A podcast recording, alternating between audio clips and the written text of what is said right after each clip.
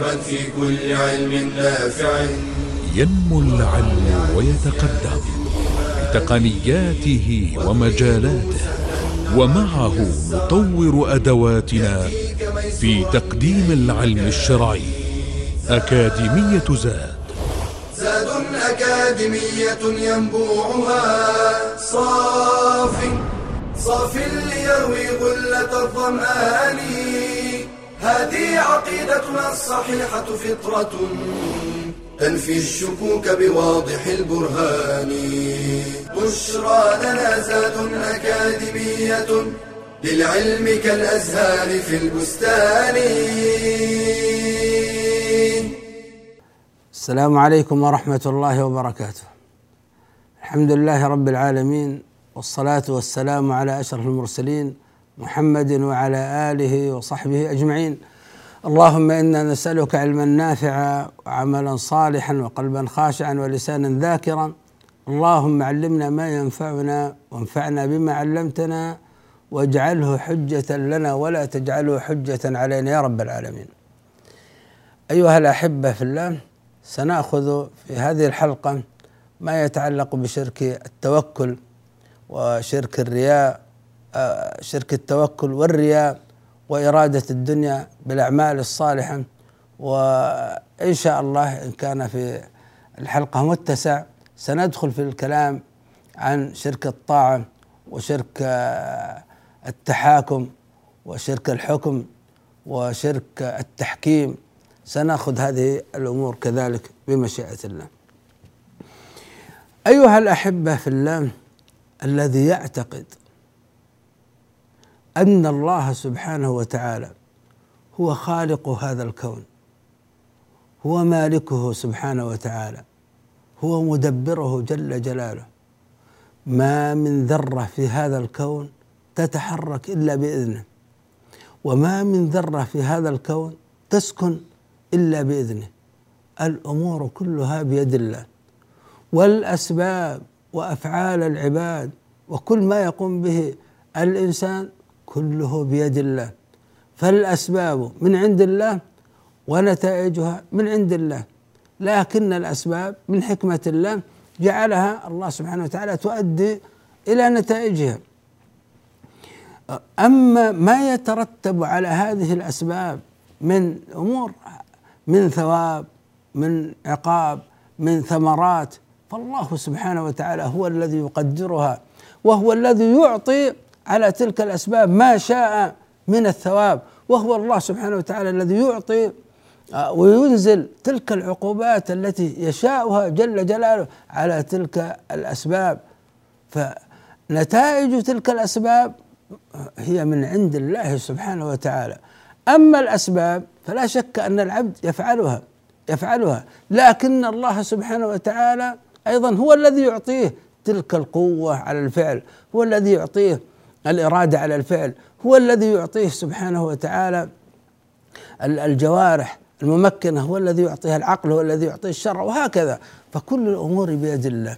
إذا اعتقد الإنسان ذلك وكانت ربوبية الله جل جلاله واضحة في في ذهنه هذا الإنسان هو أعظم الناس توكلا على الله سبحانه وتعالى. فالتوكل هو صدق الاعتماد القلبي على الله جل جلاله. التوكل هو صدق الاعتماد القلبي على الله وتفويض الأمور إليه. هذا هو التوكل. والتوكل عبادة. وهو من الإيمان. قال الله عز وجل على الله فتوكلوا إن كنتم مؤمنين. وقال الله سبحانه وتعالى إنما المؤمنون الذين إذا ذكر الله وجلت قلوبهم وإذا تليت عليهم آياته زادتهم إيمانا وعلى ربهم يتوكلون. فالتوكل عبادة عظيمة عمل قلبي يتقرب الله يتقرب الإنسان به إلى الله سبحانه وتعالى. هذا هو التوكل. وبعض الناس يخلط بين التوكل والتواكل. فيظن أن التوكل على الله وصدق الاعتماد على القلب على الله يكون بترك الأسباب وهذا تواكل. فالتوكل الحقيقي هو أن تأتي بالأسباب التي شرعها الله سبحانه وتعالى للإتيان بنتائجها. فتتعامل مع هذه الأسباب بيدك وقلبك معلق بالله سبحانه وتعالى. أما تريد أن تعلق قلبك بالله ثم هذه الأسباب لا تريد أن تعملها ولا تقوم بها هذا يسمى في ديننا تواكل وليس توكل وهذا الأمر مذموم في ديننا الإسلامي. والذي يرى أن التوكل على الله سبحانه وتعالى يكون بترك الأسباب فقد أخطأ على الدين وقد أخطأ في الفهم وظن بدين الإسلام غير غير ظنا غير صحيح. فيا أيها الأحبة في الله التوكل وصدق التوكل على الله سبحانه وتعالى إنما يكون مع الإتيان بالأسباب. أستحضر قصة سمعتها قديما آه أن طالب علم كان في جلسة مع شيخه ومع زملائه يطلب العلم. فجاءت تجارة آه إلى بلد آخر فيذهب هو مع بتلك التجارة. لذلك البلد فيبيعها ثم يعود. ف أخ جاء إلى أصحابه واستودعهم الله واستودع شيخه ثم انطلق في تجارته.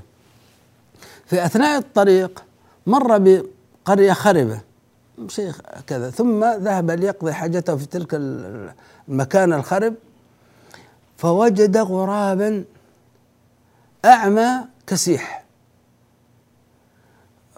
لا يستطيع الطيران ولا لا يبصر ولا يستطيع لا يستطيع المشي ولا يستطيع الطيران لكونه أعمى. فرجله مكسورة وهو أعمى. فجالس في ذلك المكان. فلاحظ أن هناك غراب آخر مبصر وصحيح يأتي له بالحب ثم يعطيه إياه ويعطي له ويعطيه ذلك الطعام.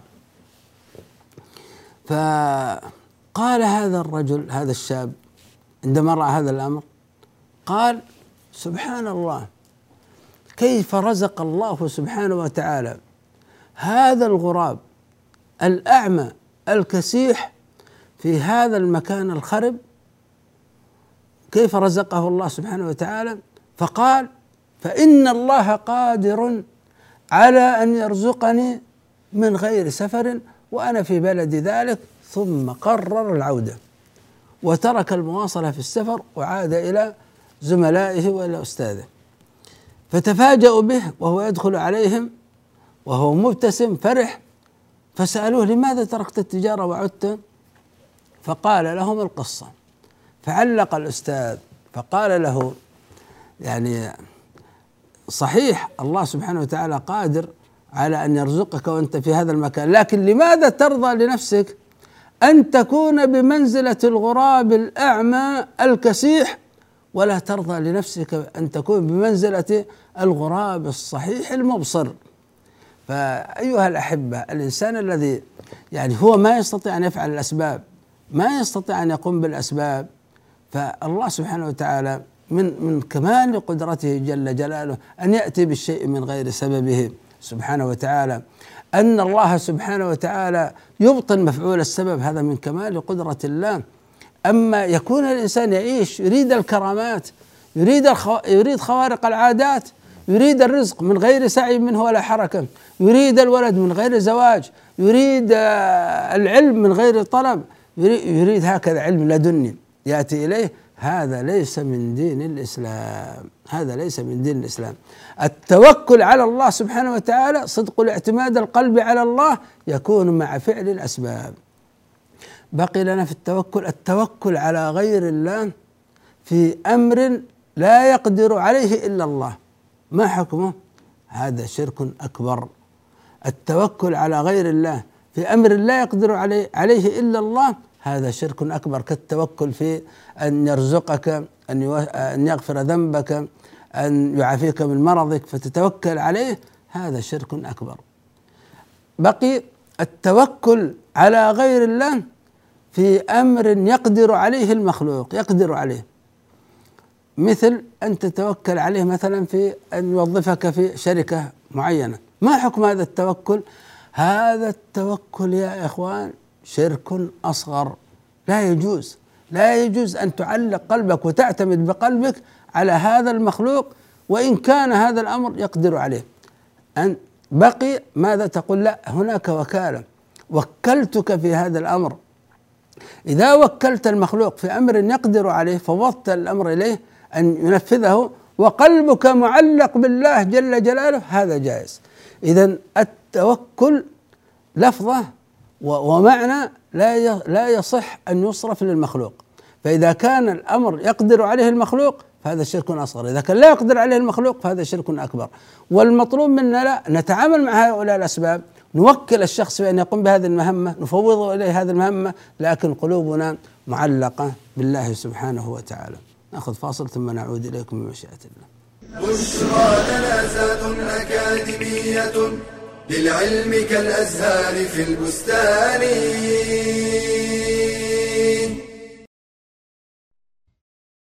لأن يأخذ أحدكم أحبله ثم يأتي الجبل فيأتي بحزمة من حطب على ظهره فيبيعها فيكف الله بها وجهه. خير له من أن يسأل الناس أعطوه أو منعوه.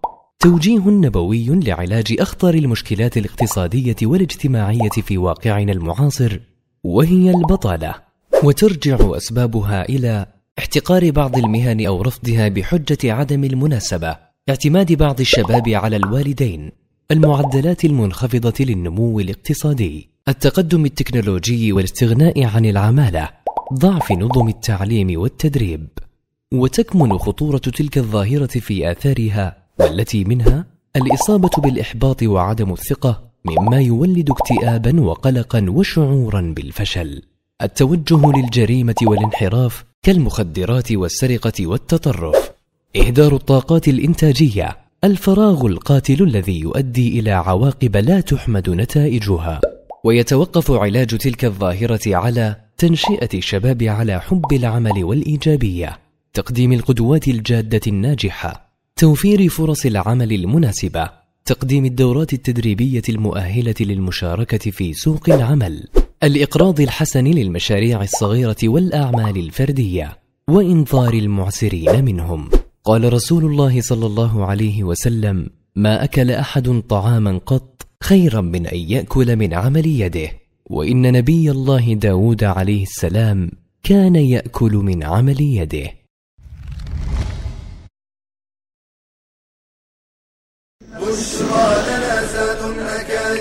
أكاديمية للعلم كالأزهار في البستان. حياكم الله أيها الأحبة في الله. الذي يعلم أن الله سبحانه وتعالى يسمع كلامه.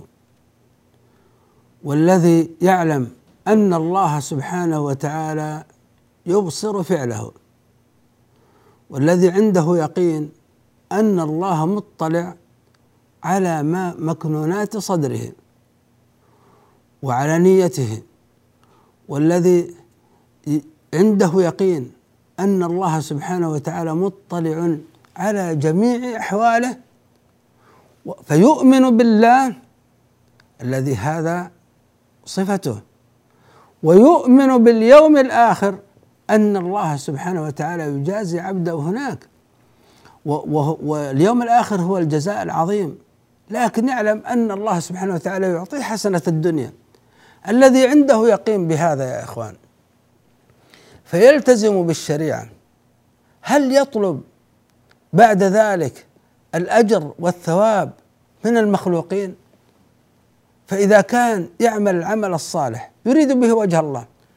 ثم هو في الوقت ذاته يريد أن يراه الناس وهو يعمل هذا العمل الصالح. لأنهم إذا رأوه مدحوه أثنوا عليه. هذا يسمى رياء. الرياء هو العمل الذي يظهر, يظهر الإنسان العبادة لقصد رؤية الناس لها فيحمدونها يحمدونه عليها. هذا يسمى رياء. أو يعمل العمل ويريد أن يسمع الناس بهذا العمل من أجل أن يحمدوه عليها. هذا يسمى رياء ويسمى سمعة. هذا الرياء والسمعة هذا فيه نقص لإيمان الإنسان وهذا مؤثر على طاعة الإنسان. وما يفعل هذا الأمر إلا من قل نصيبه من استشعار رقابة الله سبحانه وتعالى عليه. ولا يتعب الإنسان يتعب الإنسان في طلب العلم يتعب الإنسان في حفظ القرآن يتعب الإنسان في قيام الليل يتعب الإنسان في عمل صالح يقوم به ثم بعد ذلك يريد به وجه الله ويريد به كذلك الرياء والسمعة ما النتيجة؟ الله سبحانه وتعالى أخبر عن نفسه في الحديث القدسي أنه أغنى الشركاء عن الشرك طالما المسألة فيها شراكة فالله سبحانه وتعالى غني عن هذه الشركة فيتركها لذلك الشريك أنا أغنى الشركاء عن الشرك من عمل عملا أشرك فيه معي غيري تركته وشركه. فذلك العمل يذهب على الإنسان هباء منثورا. وخذ أجرك ممن طلبت. فيقال عنك محسن يقال عنك حافظ القرآن يقال عنك طالب علم يقال عنك عابد يقال عنك عالم. وهكذا هذا إن أعطاك الله هذا الأمر في الدنيا وقد لا تأخذه أيضا. يعني لا لا دنيا ولا آخرة عياذا بالله. لكن الله سبحانه وتعالى لا يعطيك على هذا الأمر الثواب. إنما يجعلك تأخذ ثوابك ممن أنت أشركتهم مع الله سبحانه وتعالى في ذلك العمل. هذا يسمى رياء وهذا يسمى سمع هناك شيء آخر يسمى إرادة الدنيا بالعمل الصالح. ما معنى؟ يعني الإنسان يعمل العمل الصالح. يريد به من الناس مال. يريد به من الناس إكرام. يريد به من الناس منصب. يريد به من الناس جاه. وهكذا. يعني مثلا يحفظ القرآن. يحفظ القرآن لأنه يعلم أنه مثلا في هذا البلد حافظ القرآن مثلا يمكن أن يكون إمام مسجد. آه، فيكون له مثلا سكن ويكون له كذا. يعلم مثلا حفظة القرآن في هذا المجتمع يكرمون يقدرون يأخذون جوائز آه، وهكذا. فيكون هذا همه. فهو يريد وجه الله ويريد كذلك يريد منصب يريد جاه يريد بهذا العمل الصالح. هذا التشريك في الإرادة هذا يبطل على الإنسان عمله ذلك الصالح. وهذه مصيبة يا إخوان. وجب أن يكون قصد الإنسان بأعماله الصالحة وجه الله جل جلاله. هل إذا أنت نويت وجه الله بذلك العمل الصالح هل تخسر شيئا من الدنيا؟ بعض الناس يظن أنه ممكن يخسر شيء من الدنيا وهذا غير صحيح. لا يخسر أي شيء من هذه الدنيا. فمثلا طلبت العلم هل لو طلبت العلم ما تأخذ شهادة؟ ما تأخذ منصب؟ ما تأخذ وظيفة؟ هذا غير صحيح تأخذها. لكن أنت نويت بهذا العمل وجه الله سبحانه وتعالى وطلبت من الله جل جلاله ثواب هذا العمل في الدنيا وفي الآخرة. هذا ما في شيء. لكن يكون مقصدك ومحركك المال والمنصب والجاه. ودليل ذلك أنك لو أخذت هذا الأمر من المخلوقين اكتفيت بهذا الأمر وخلاص وقفت. مثلا هناك شخص يقول يزعم أنه مصاب بالعين. فقلنا له ما ما مشكلته؟ قال كنت أقرأ في اليوم ثمان ساعات عشر ساعات إلى 12 ساعة. ثم يقول جلست في مجلس وأخبرت الشباب أني أقرأ في اليوم إلى ما يصل إلى 12 ساعة في بعض الأحيان. يقول بعدها ما استطعت أن أقرأ. فيقول أصبت بعين. ما السبب يا إخوان أنه بعدها ما استطاع أن يقرأ؟ السبب أنه وصل لما أراد. وصل لما أراد من كلام الناس ومن مدح الشباب مدحوه أثنوا عليه فبالتالي بعد ذلك كسل عن حفظ عن الحفظ عن القراءة. كسل عن الحفظ والقراءة. لماذا؟ لأنه كان في نيته أن يصل إلى مدح الناس فمدحوه وأثابوه على ذلك كرموه قبلوا رأسه بعد ذلك انتهى توقف عن العمل. وهكذا إذا توقف الإنسان عن طاعة الله بسبب مدح الناس وثناء الناس له ثم توقف لأنه قد وصل إلى ما أراد أو حصل على تلك حصل على ذلك المنصب حصل على تلك الوظيفة ثم توقف عن طاعة الله عن التعليم عن آه إذا هذه مشكلة. ينبغي للإنسان أن يتنبه لنفسه من ذلك. نأخذ يا إخوان حالات الرياء مع العبادة. الرياء مع العبادة له حالات. الحالة الأولى أن يشترك تشترك نية الرياء مع نية وجه الله سبحانه وتعالى في أصل العبادة من بدايتها. الله أكبر كبر وهو يرجو في صلاته وجه الله وعنده شخص الآن سيختبره مثلا لوظيفة معينة أو يعلم أن هناك ناس من أهل الجاه ووراءهم فبدأ يزين صوته لما يعلم من سماع الناس لقراءته وأنهم يقيمونه وهكذا فيحسن قراءته من أجل الناس. من البداية هذه نيته وجه الله والرياء والسمعة وهكذا هذا عمله باطل وصلاته تلك باطلة. ولا يقبلها الله سبحانه وتعالى وله أجره يأخذه من الناس يمدحوه ويثنوا عليه وهكذا. أما إذا كانت نية الرياء طارئة يعني بدأ العمل لوجه الله ثم طرأت عليه نية الرياء فمباشرة دفعها عن نفسه واستعاذ بالله سبحانه وتعالى من هذه النية وواصل عمله هذا مأجور مأجور على تلك المجاهدة لتلك النية وعمله مقبول. الحالة الثالثة أنه جاءته هذه النية واسترسل معها يعني أعجبته و يعني في الركعة الثانية مثلا في القراءة بدأ يقرأ وأعجبته قراءته واسترسل مع ذلك فينظر إلى هذا العمل. إن كان العمل متصل أوله بآخره فالعمل باطل كالصلاة. وإذا كان هذا العمل ليس متصلا أوله بآخره مثلا قراءة القرآن قرأ عشر صفحات مخلص لوجه الله. الصفحة الحادية عشر جاء جلس بجواره أحد وبدأ يزين صوته من أجل مدح هذا الشخص. لا من أجل أن يخشع لا من أجل أن يدعوه إنما فقط من أجل أن يثني عليه. ثم بعد ذلك استرسل في الخمس الصفحات العشر الصفحات التالية هذه أجرها ذهب عليه عليه وأجره في العشر الصفحات الأولى باق له بمشيئة الله. نأخذ فاصل ثم نعود إليكم إن شاء الله. بشرى أكاديمية. للعلم كالأزهار في البستان.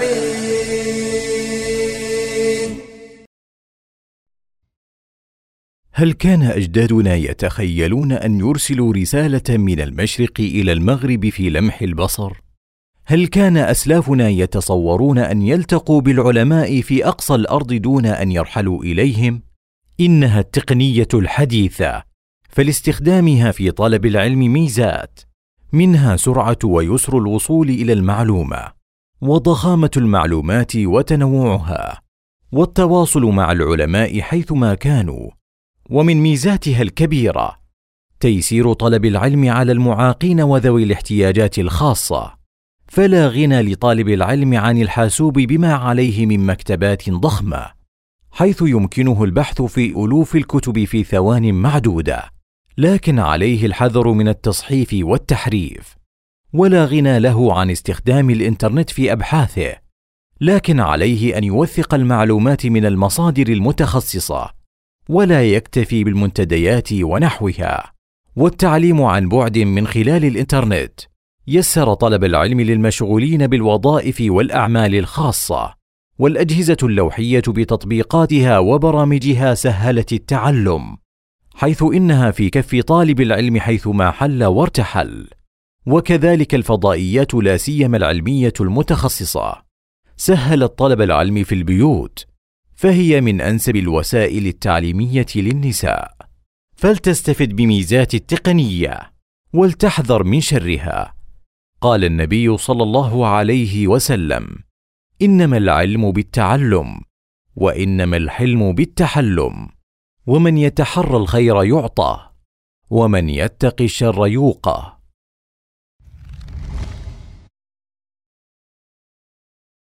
بشرى لنا أكاديمية للعلم كالأزهار في البستان. حياكم الله أيها الأحبة. الآن سننتقل للكلام عن شرك الطاعن ونأخذ يعني حكم التشريع. حكم آه، التحاكم إلى غير ما أنزل الله آه، التحكيم. نأخذ هذه المسائل بشكل سريع. عن عدي بن حاتم رضي الله تعالى عنه يقول أنه سمع النبي صلى الله عليه وسلم يقرأ هذه الآية اتخذوا أحبارهم ورهبانهم أربابا من دون الله والمسيح ابن مريم. قال يا رسول الله إن لم نكن نعبدهم. ما كنا نعبد الأحبار والرهبان. يعني يقصد ما كنا نصلي لهم. ونصوم لهم كنا نعبد الله سبحانه وتعالى إنا لسنا نعبدهم. فقال صلى الله عليه وسلم أليس يحرمون ما أحل الله؟ فتحرمونه ويحلون ما حرم الله. فتحلونه؟ قال قلت بلى. قال فتلك عبادتهم. فتلك عبادتهم. فشرك الطاعة ضابطه أن تطيع غير الله. في معصية الله معتقدا حل ذلك. لكن لو أطاع إنسان صديقه في معصية الله أو محبوبه أطاعه في معصية الله. لكن لا يعتقد أن لهذا أطاعه في معصية الله ويعلم أنها معصية. فأطاعه فهو عاصي. لكن أطاعه ويقول له الحلال ما أحللت والحرام ما حرمت فهذا شرك الطاعة شرك الطاعة. فالذي يعتقد أن للعلماء الأحقية في تحليل الحرام وتحريم الحلال أو العباد فهذا قد اتخذهم شركاء لله سبحانه وتعالى. فالطاعة يا إخوان في تحليل ما حرم الله أو العكس إذا كان الإنسان يطيع وهو يعلم أنهم بدلوا دين الله فيتبعهم وهو يعلم هذا التبديل ويعتقد تحليل ما حرم الله وتحريم ما أحل الله اتباع لهؤلاء الرؤساء فهذا شرك وكفر. شرك وكفر أكبر مخرج من ملة الإسلام عياذا بالله. أما إذا أطاعهم في معصية الله كما يفعل يعني أصحاب المعاصي فيفعل ذلك المعصي مع, اعتقادها أنها معاصي فهذا الأمر معصية.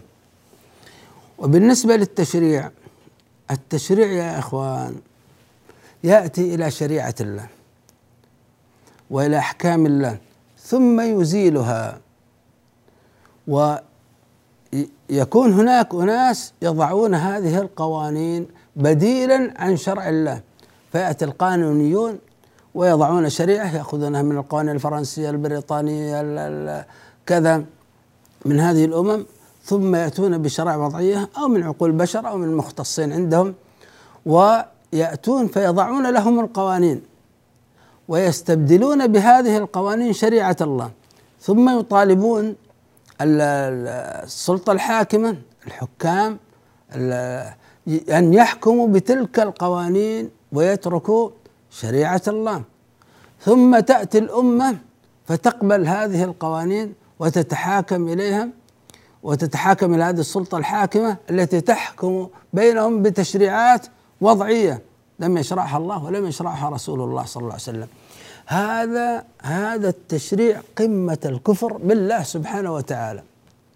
فواضع القانون طاغوت والسلطة الحاكمة التي تحكم بذلك القانون طواغيت والأمة التي تقبل بهذا الحكم هؤلاء أيضا رضوا بحكم الطاغوت. فهذه الصورة صورة سيئة سوداء عياذا بالله. وهذا التشريع غير منقسم. يعني ما يأتي شخص ويقول التشريع كفر أكبر وكفر أصغر. لا هذا التشريع وهو تبديل شريعة الله ويأتي إلى شريعة الله ويدفها يدفعها بالكلية ويقول غير صالحة لهذا الزمان ولهذا العصر. ثم يأتي بهذه التشريعات ثم يطلب من السلطة الحاكمة أن تحكم بهذه التشريعات ويطلب من الأمة ومن الأفراد والشعب أن يحتكموا إلى تلك التشريعات. هذا كله مخالف لدين الإسلام. وهذا الفعل فعل كفري ولا يشترط فيه استحلال القلب. لا هذا فعل كفري. يبقى مسألة إذا كان هذه الدولة أصلا دولة إسلامية وكان ثم حصل مثل هذا الأمر قد يكون لا بد أن نفرق بين الأعيان بين المعين وبين الفعل. فالفعل كفر أكبر وغير منقسم لكن المعين يجب أن تقام عليه الحجة من قبل العلماء ويبين له ويزيل الشبهات التي في في ذهنه. قد يظن أن هذا الأمر يعني مصلحة مرسلة وأنه ليس بشرط أن يحكم بتلك الشريعة وهكذا أمور قد يعني تقع.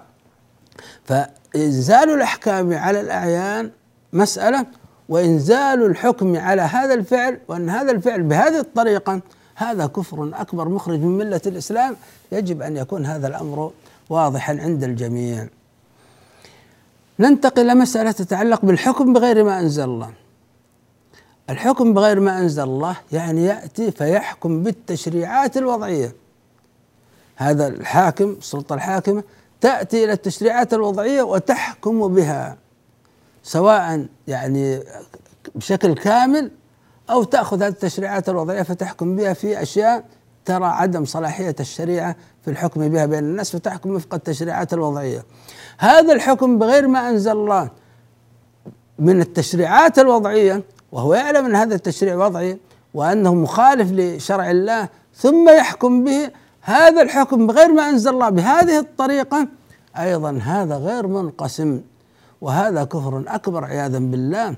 يأتي فيحكم بتشريعات وضعية يعلم أنها تشريعات وضعية ويحكم بها هذا الفعل كفر فعل كفري ولا يشترط في هذا هذه الحالة أن يقول أنه مستحل لكنها غالبا أن يكون هذا الأمر ما يفعله الإنسان إلا وهو يرى أن هذا التشريع الوضعي أفضل وأنه أحسن وأنه يجوز الحكم به وهكذا. فلذلك هذا الفعل هذا الحكم بغير ما أنزل الله فيأتي للتشريعات الوضعية بعينها ويحكم بها في هذه المسألة هذه مسألة خطيرة يا إخوان. وينبغي ألا يتساهل فيها وينبغي ألا يعني يقال أن هذا الأمر سهل يسير. لا هذا كفر والعياذ بالله. لكن يكون الحاكم هذا في بلد إسلامي والأصل أنه يحكم بشريعة الله ولا يحكم إلا بالشريعة. لكنه جاء إلى مسائل معينة حكم فيها بغير شرع الله موهما أنه يحكم بشريعة الله. لكن هو يعلم في ذاته أن ما حكم به مخالف للشرع. لكن ليس كالصورة الأولى يأتي لتشريعات وضعية ويستبدل حكم الله فيها مثل ما ذكرنا. لا إنما هو يوهم الآن أنه يحكم بشريعة الله. لكن أخذ رشوة على هذا الأمر فقال هذه الأرض لفلان. وهذه في يعني بسبب الهوى بسبب الرشوة بسبب الظلم يحكم بغير ما أنزل الله. وهو الأصل أنه يحكم بما أنزل الله لكن في هذه المسألة أو هذه المسائل يحكم فيها بغير ما أنزل الله موهما أنه يحكم ما أنزل الله هذا كفر أصغر هذا كفر أصغر. وهذه المسألة هي التي يكون فيها التفريق ويقال هنا الحكم منه ما هو أكبر ومنه ما هو أصغر. يعني إذا كان هو في ظل الشريعة الإسلامية يحكم بشريعة الإسلام ثم حكم في مسألة بغير ما أنزل الله هنا نقول يستحل ذلك. مستحلا لذلك هذا كفر أكبر. وإذا كان من غير استحلال إنما عن شهوة وهوى وظلم وهو يعلم أنه عاصي لله سبحانه وتعالى ويوهم الناس أنه يحكم بالشريعة هذا كفر أصغر. هنا هنا يحدث في الحكم بغير ما أنزل الله يكون يكون منقسما. الحكم بغير ما أنزل الله ينقسم إلى أكبر وأصغر إذا كان الأصل هو يحكم بالشريعة. ويحكم بالشريعة. ثم بعد ذلك حكم في مسألة بغير ما أنزل الله. فإذا حكم بغير ما أنزل الله في هذه المسألة مستحلا ذلك هذا كفر أكبر. وإذا حكم شهوة وهوى وظلم هذا كفر أصغر. طبعا وهو يوهم الناس أنه يحكم بشريعة الله. أما إذا كان لا يوهم الناس إنما هو يقول أنا أحكم هو يحكم بتشريع وضعي. يحكم بتشريع وضعي بديلا عن شريعة الله. هذا هذا العمل بهذا الشكل بهذه الصراحة بهذه الوقاحة هذا كفر أكبر. وإن لم يقل هو أنه مستحل لهذا الأمر.